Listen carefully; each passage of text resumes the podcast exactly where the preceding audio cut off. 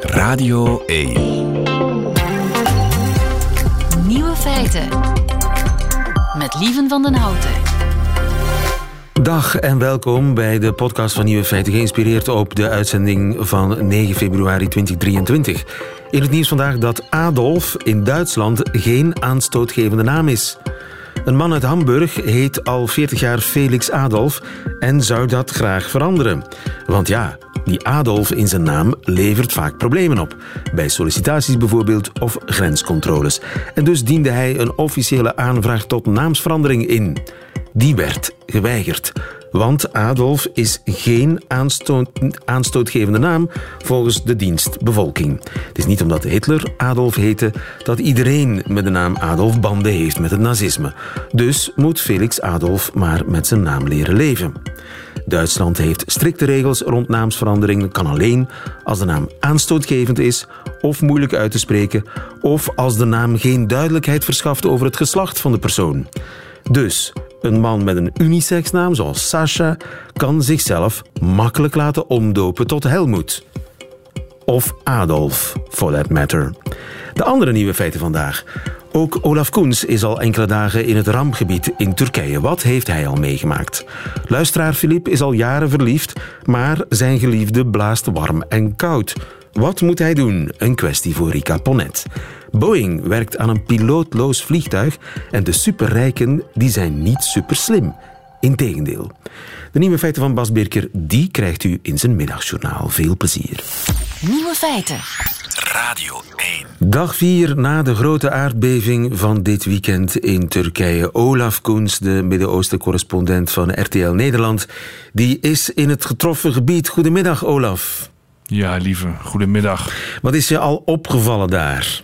Ja, er zijn een, een hoop dingen die opvallen. In de eerste plaats natuurlijk de, de ongelooflijke schade, de ongelooflijke kracht waarmee die aardbeving hier zo ontzettend veel verwoest heeft. En ook met wat een willekeur dat gebeurt. Op sommige plekken zie je dat huizen nog gewoon staan, zie je dat de schade heel beperkt is en dan kan het 10, 20 meter verderop kan een volledig flatgebouw ingestort zijn. Um, ik zie heel veel hulpverlening. En dat is natuurlijk omdat ik op de plekken kom die nu toegankelijk zijn. Want ik weet ook dat dat op een hoop plekken niet zo is.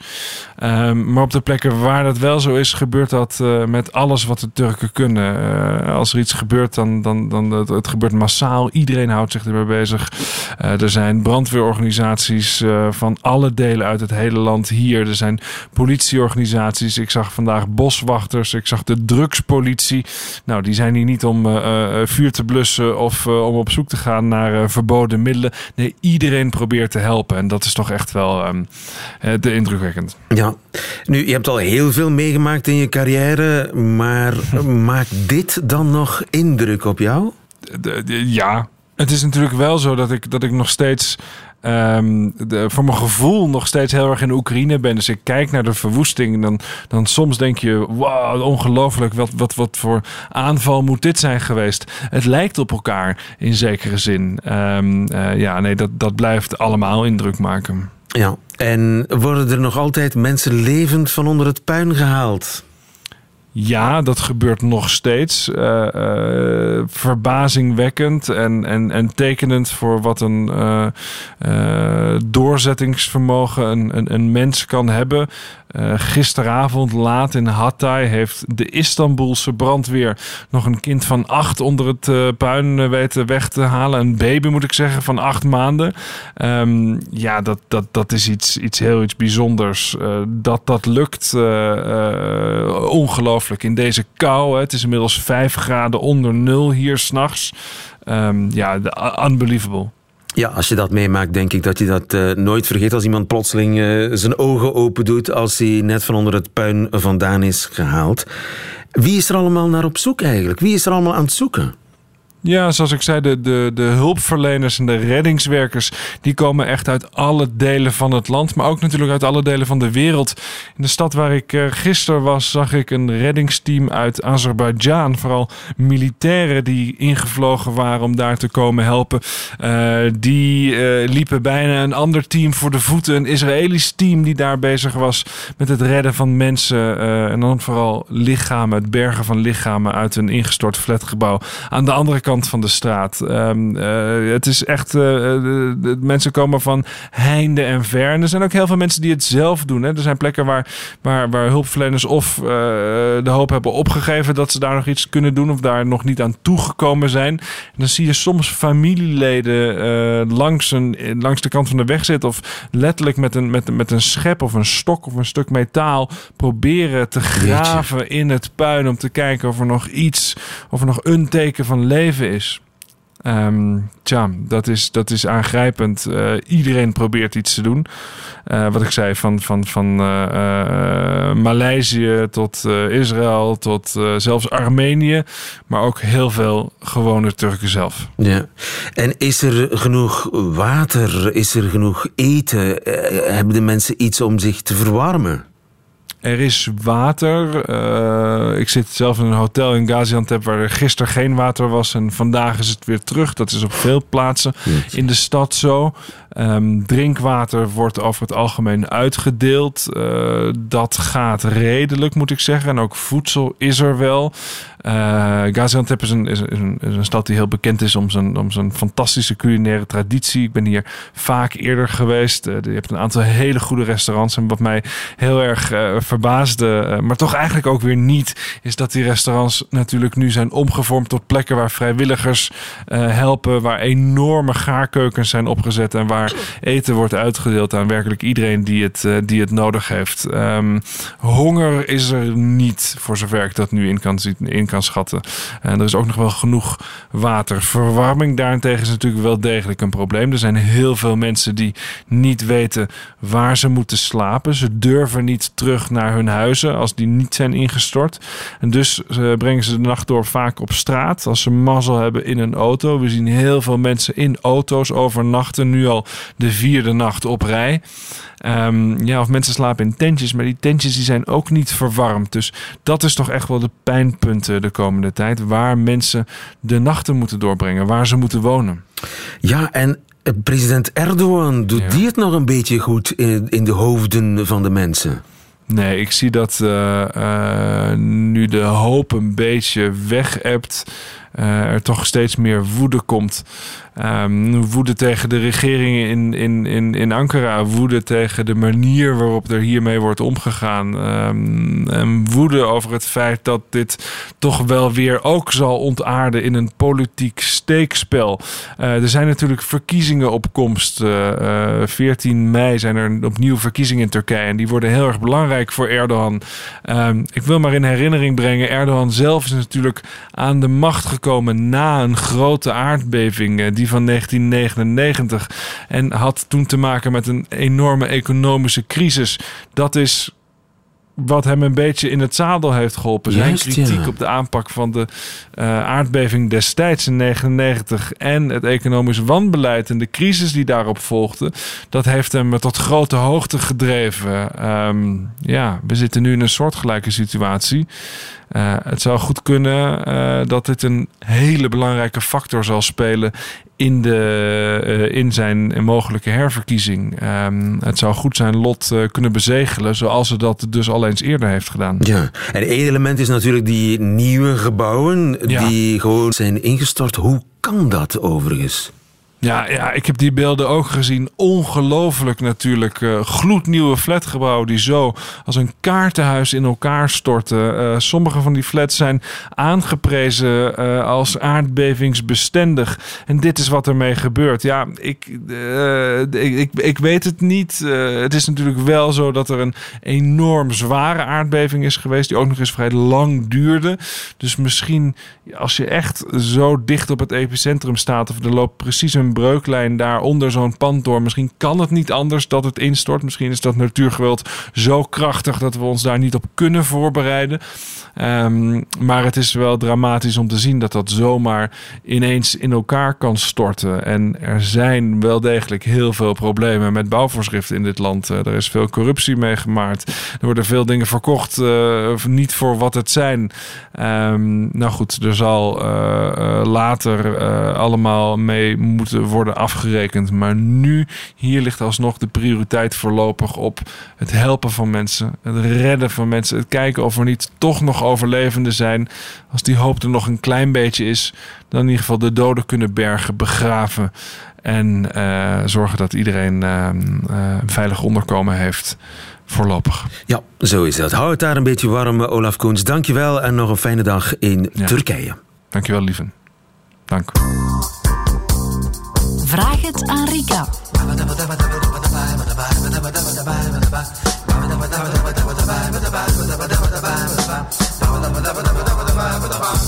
Rika Bonnet is weer komen aanschuiven op donderdagmiddag. Is dat altijd het geval? Goedemiddag, Rika. Dag, lieve. Rika, ik heb post voor jou. Van Philippe. Uh, Philippe is 46 en hij schrijft: Sinds drie jaar ken ik een leuke vrouw.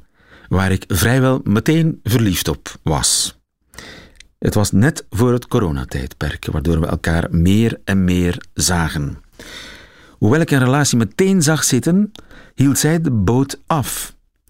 Ze zei niet meteen nee, want ze wilde eerst terug gelukkig worden op zichzelf. Ze kwam namelijk uit een moeilijke periode. We trokken meer en meer met elkaar op en ik stelde haar voor aan vrienden en familie, waardoor ook met hen intussen een hechte band is ontstaan.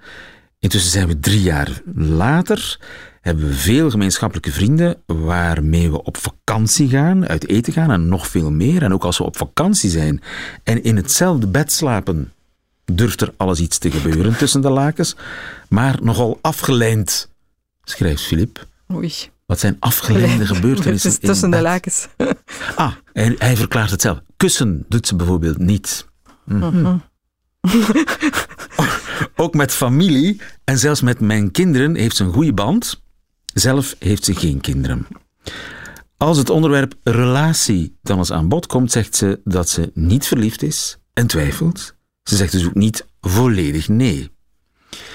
Enkele van haar toevallig of niet vrijgezelle vriendinnen zeggen haar dat ze haar eigen weg moet gaan en niet mag blijven hangen, zonder mij ooit ontmoet te hebben. Lopen deze vriendinnen niet erg hoog op met mij en gezien ze zelf een eeuwige twijfelaar is, helpt dit negatief advies natuurlijk niet.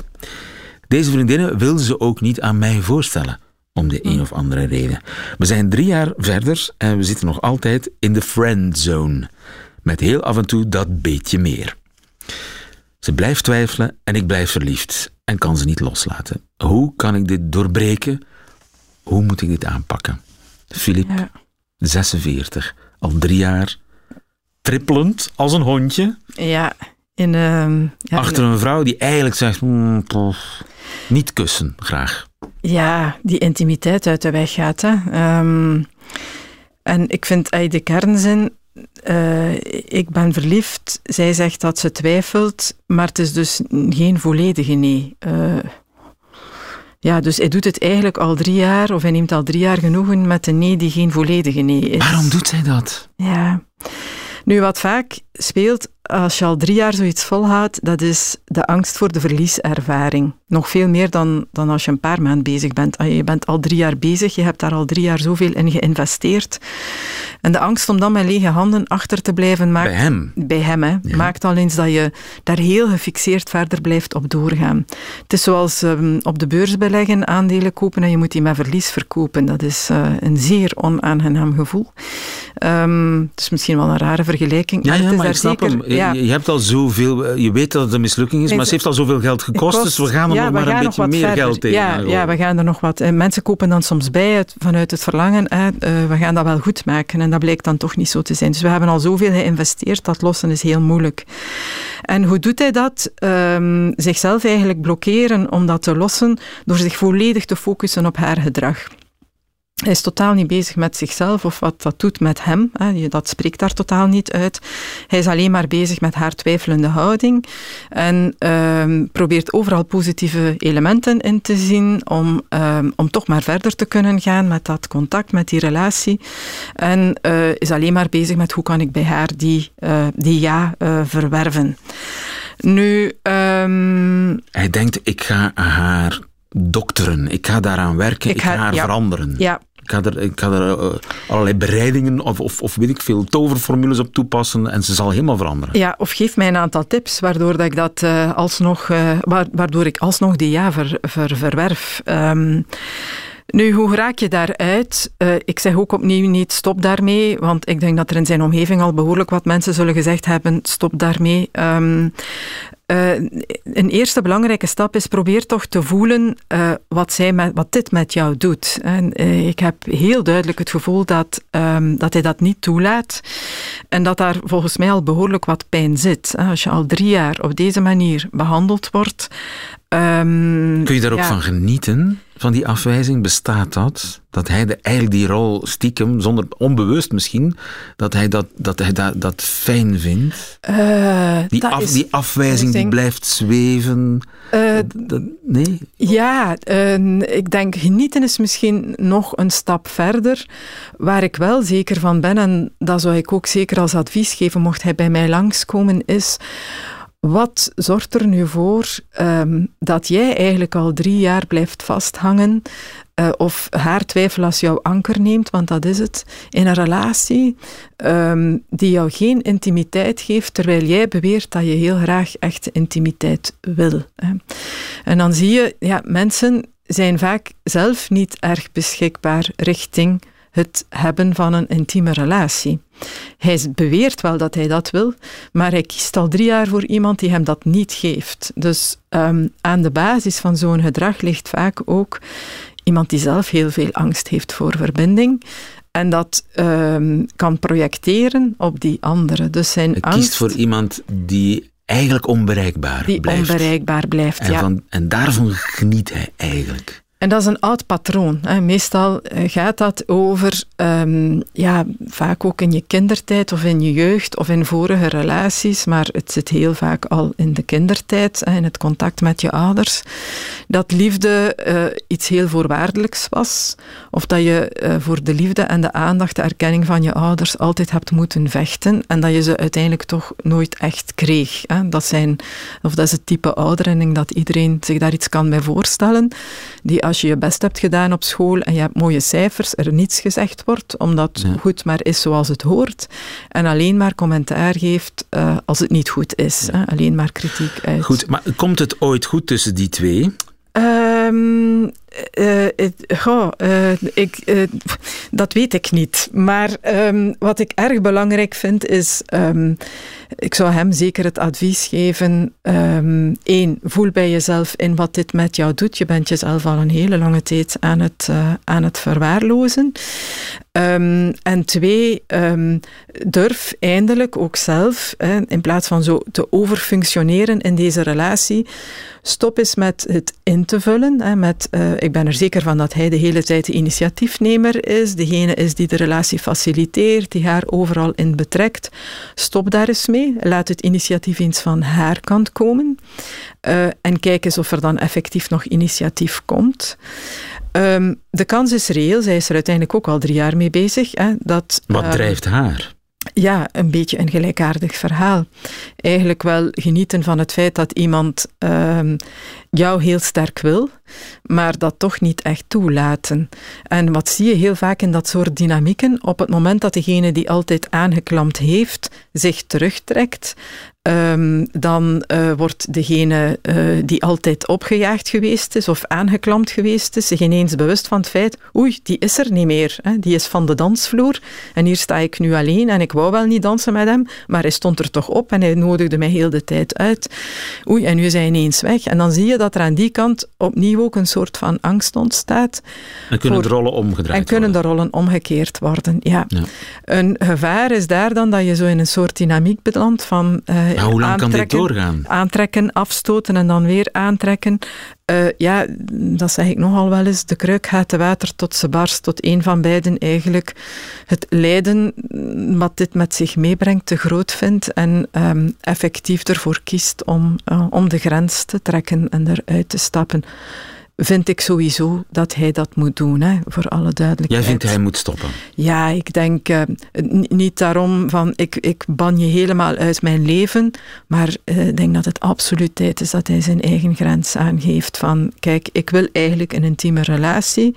Jouw antwoord is twijfel. Ik neem dat niet meer als antwoord. Ik wil een duidelijk antwoord. En uh, zolang je mij dat antwoord niet geeft, ja, ja dan stopt het hier. Ja. En een, een ultimatum. Eerste, een ultimatum. En een eerste poging die hij daar al kan ondernemen en die voor hem waarschijnlijk wat minder als een verlieservaring wordt ervaren, is effectief stoppen met het helemaal invullen van de relatie en het initiatief eens bij haar te laten en voor zichzelf dan in te voelen, wat doet dat nu met mij? Wat doet zij? Dus wat, wat is voor haar de werkelijke waarde van mij in deze relatie? En uh, is dit eigenlijk waar ik verder mee wil gaan? Ja. 46 is Filip. Ik hoop dat we jou goed geholpen hebben, Filip. Zijn er nog mensen met een kwestie voor Rika? Die kwesties zijn welkom op nieuwefeiten.radio1.be. Tot volgende week. Graag. Nieuwe feiten.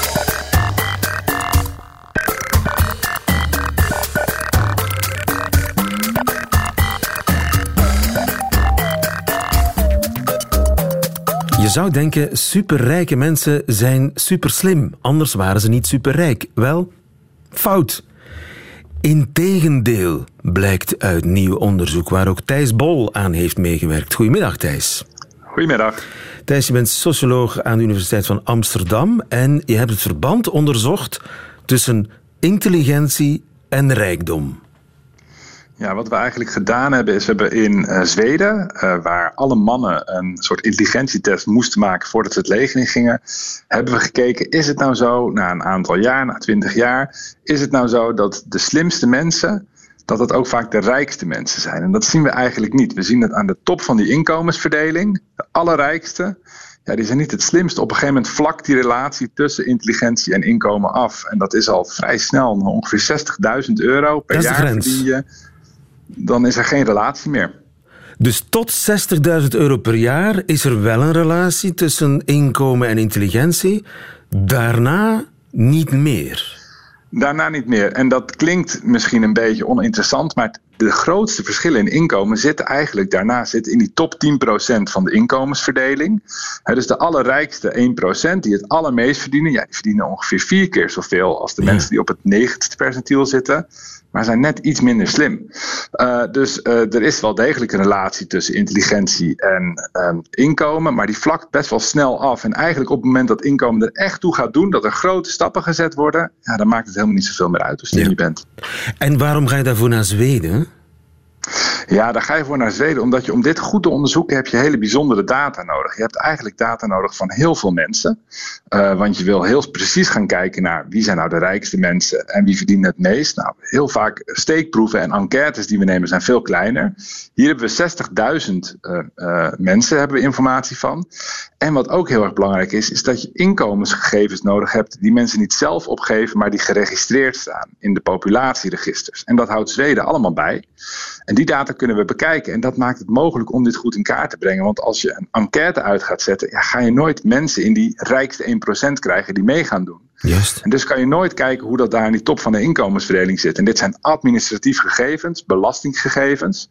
En dus weten we dat we eigenlijk iedereen in Zweden hebben. En heel goed kunnen kijken naar hoe die relatie zich nu echt ontvouwt. Ja, een beetje verbijsterend hè, dat ze daar zo omspringen met. Wij zouden daar in tegen een opstand komen van privacy, privacy. Maar in Zweden zijn die gegevens gewoon beschikbaar. Ja, maar er zitten natuurlijk hele sterke uh, regels aan vast. Je kan dat niet zomaar gebruiken, net als medische gegevens. Daar moet je allerlei procedures doorlopen. En die data hebben wij ook niet op een computer staan. Die kan je alleen vanuit Zweden via een beveiligde computer krijg je daar toegang toe. Dus het is moeilijk om daar toegang toe te krijgen. Het is wel heel privacygevoelig, natuurlijk. Maar tegelijkertijd biedt het ook wel heel veel mogelijkheden voor wetenschap als daar zorgvuldig mee omgegaan wordt. Want we kunnen heel veel leren over hoe de samenleving in elkaar zit. Ja, juist leren bijvoorbeeld dat mensen die 60.000 euro per jaar verdienen slimmer zijn dan mensen die 600.000 euro per jaar verdienen? Komt het eigenlijk wel een beetje op neer, ja. Een beetje ontnuchterend, maar misschien ook wel goed voor bepaalde discussies die je voert met mensen die heel veel geld hebben. Ja, want die 60.000 euro mensen, ja, dat zijn dan de, de professoren, de, de mensen met... Academici, met, misschien doktoren ook wel. Of de, maar ook, ook, ook daaronder zitten uh, vrij veel mensen die, uh, ja, die toch ook wel redelijk slim zijn en ook wel goed verdienen. Maar de echte grote inkomensverschillen zitten gewoon in de bovenste 10% in alle landen. En ook als je kijkt naar de, de groei in inkomensongelijkheid, vindt allemaal plaats aan de bovenkant bij de, de mensen zoals Jeff Bezos en Elon Musk, et cetera, die heel veel meer gaan verdienen. Uh, maar eigenlijk kan je dat niet uitleggen op basis van ja, hoeveel talent zij hebben als het gaat om cognitieve vaardigheden of intelligentie. Daar dus zitten andere dingen dus achter. Dus dat talent moet elders zitten of de erfenis is groter. Dat kan natuurlijk ook, hè? Talent, erfenis en geluk. En dat vinden mensen vaak heel erg moeilijk om uh, uh, toe te geven. Dat de positie waar ze terecht zijn gekomen niet gebaseerd is op hun eigen kunnen of omdat ze zelf zo exceptioneel slim zijn. Maar dat ze misschien ook gewoon geluk hebben gehad als de dobbelsteen net iets anders gerold was. Uh, dat Elon Musk geen multimiljardair was geweest, maar ja, gewoon een goed verdienende programmeur in Silicon Valley. Dat had ook gekund. Een bediende. Dat is natuurlijk moeilijk uit te leggen voor mensen, maar het is vaak wel zo. Ja, en heel veel mensen denken inderdaad dat ze op eigen verdiensten superrijk zijn geworden. Maar eigenlijk uh, is het hun ouders of, of inderdaad het geluk. Precies. Maar dan moet je wel het talent hebben om dat geluk te herkennen en te pakken, hè? Ja, nou, dat ook. En dat speelt natuurlijk, hebben individuen ook zelf een rol erin. Dat, speelt absoluut, uh, uh, dat is absoluut belangrijk. Maar je ziet wel dat zeker de laatste decennia de discussie best wel verschoven is naar eigen verdiensten. Mensen zijn terechtgekomen op een plek en dat hebben ze gedaan omdat ze zelf iets hebben, uh, iets, ja. iets bijzonders The hebben. American Dream of, natuurlijk ook. Of omdat ze zelf keuzes hebben gemaakt. Dat willen mensen ook. Maar eigenlijk zien we ook in ons onderzoek hè, waar, waarom die top van die inkomensverdeling zoveel meer verdeelt. Dat is geluk, dat is sociaal-economisch milieu. Hè. Wie krijgt de mogelijkheid om uh, talent tot ontplooiing te brengen bij misschien een bedrijf wat veel meer geld betaalt voor exact hetzelfde? Ja, dat soort, dat soort factoren spelen een hele grote rol. En nogmaals, je kan zeggen, nou, die, die, die relatie is best wel lineair en het gaat iedereen, mensen die slim zijn verdienen meer. Maar eigenlijk als het echt om de grote knikkers gaat, om de grote inkomensverschillen, ja, dan zien we dat intelligentie die niet meer te doet en al die factoren waar we het net over gehad hebben, uh, geluk, sociaal milieu, uh, die spelen eigenlijk een hele grote rol in te bepalen wie nou de echte winnaars zijn in de samenleving versus uh, de mensen die daar net iets onder zitten. Helder, dankjewel. Thijs Bol, goedemiddag. Bedankt.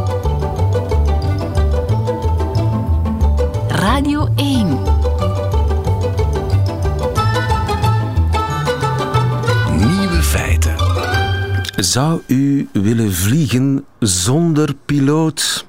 Het is de toekomst, zegt de baas van Boeing. André Berger, goedemiddag. Goedemiddag. Luchtvaartexpert en piloot bij TUI. Een van de grootste vliegtuigbouwers ter wereld, met name Boeing, investeert massaal in autonome vliegtuigen. Dat is een vliegtuig dat zonder piloot de lucht ingaat. En dat heeft de CEO van Boeing zelf gezegd. I think the future of autonomy is real for civil. It's going to take time.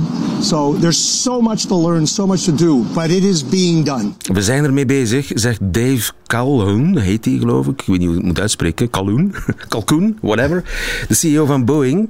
Hij gelooft rotsvast in autonoom vliegen voor de burgerluchtvaart. Ik dus niet, hè?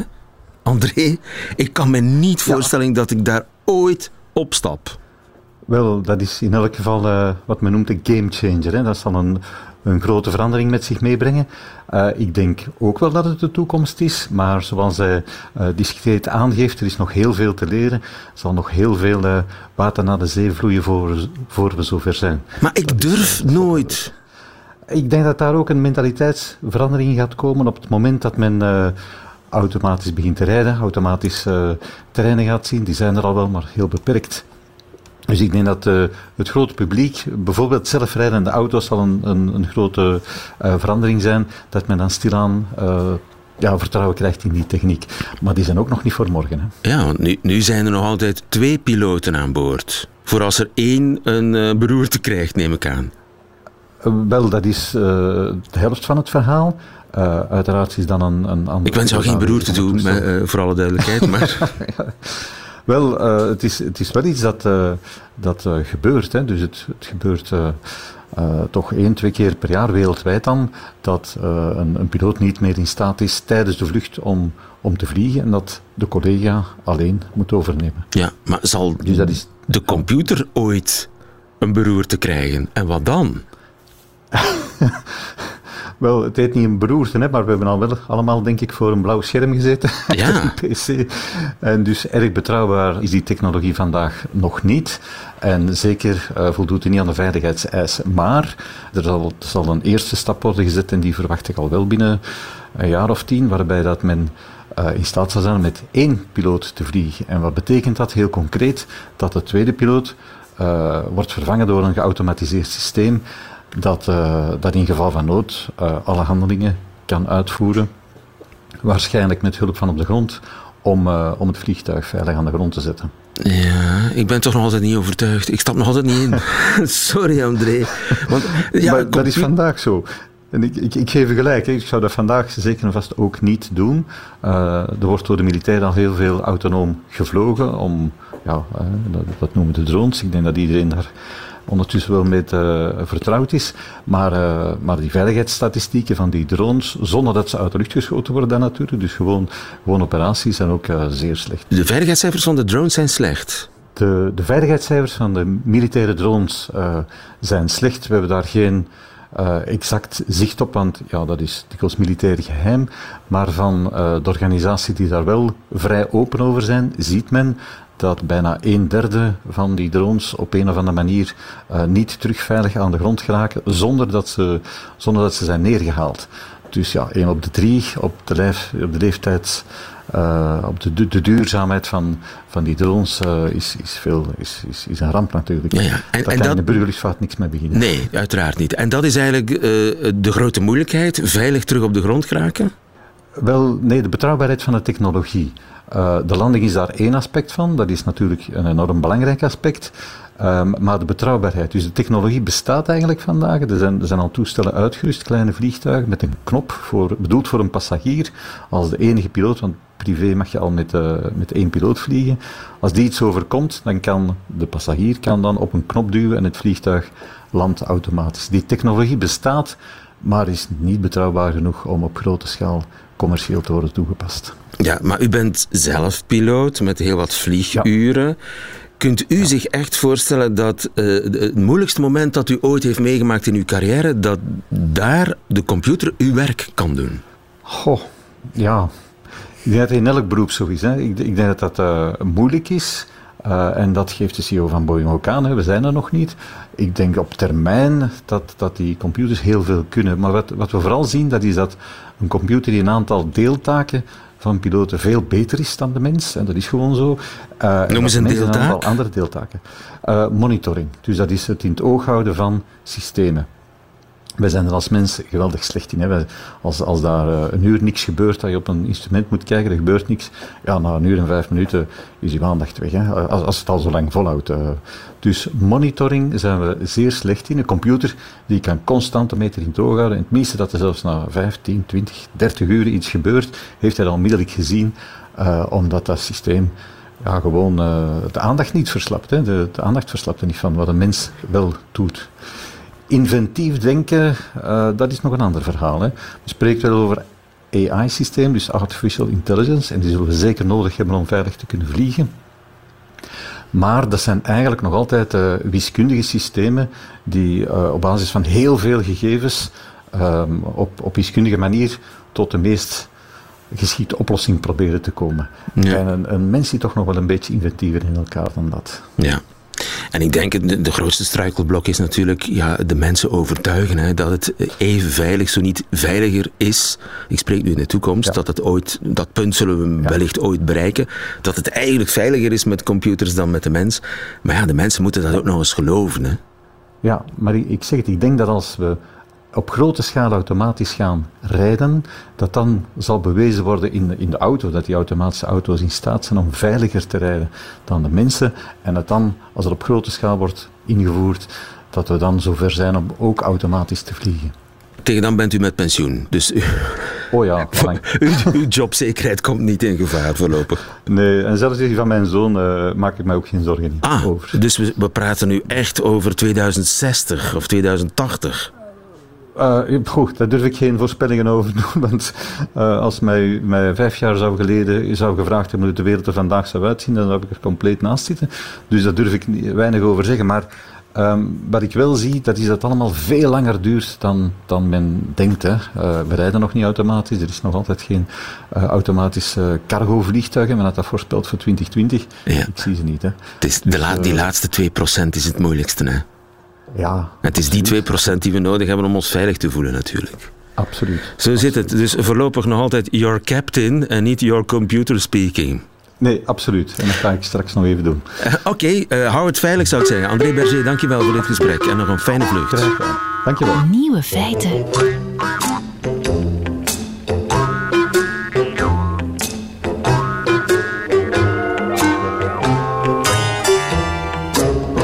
En dat waren ze, de nieuwe feiten van 9 februari 2023. Alleen nog die van Bas Birker. Die krijgt u nu in zijn middagjournaal. Nieuwe feiten. Middagjournaal.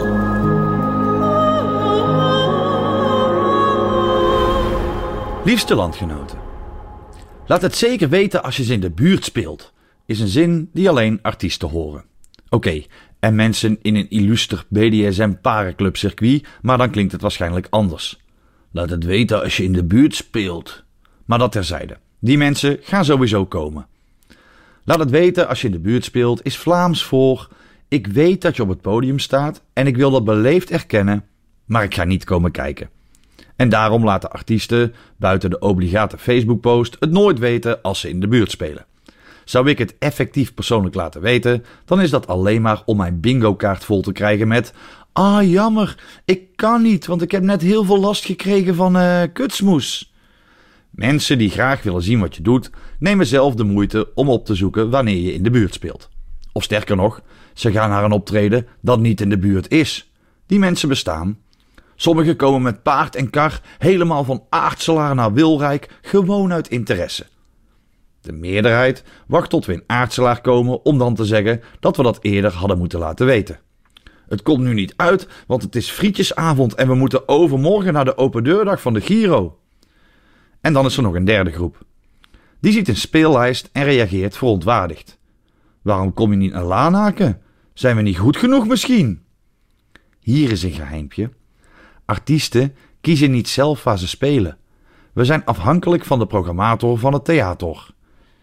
Ik wil wel komen optreden in Lanaken, maar ze gaan het daar niet zo waarderen als ik een decor kom lossen, omdat ik zelf heb besloten dat er die avond een show is van Bas Birker. Hoezo? De kreuners staan hier al vandaag? Kom aan, die mannen zijn 180. Op een paar dagen uitstel zal het wel niet komen. Maar liefste landgenoten, dat systeem biedt ook kansen. Ik stel voor dat jullie vandaag allemaal een mailtje sturen naar het theater in je buurt. Vraag daarin wanneer de kaarten voor Bas Birker voor komend seizoen te koop zijn, omdat je die zeker niet wil missen.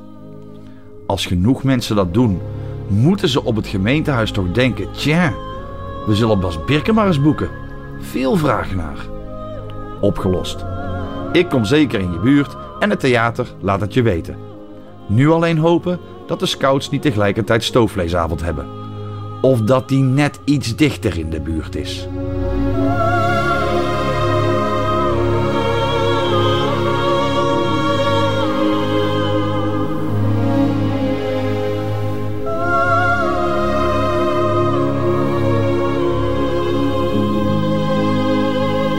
Bas Birker heeft het ook niet makkelijk. Bas Birker in het middagjournaal. Einde van deze podcast. Hoort u liever de volledige nieuwe feiten met de muziek erbij? Dat kan natuurlijk live elke werkdag tussen 12 en 1 op Radio 1 of on demand via de Radio 1 website of app. Tot een volgende keer.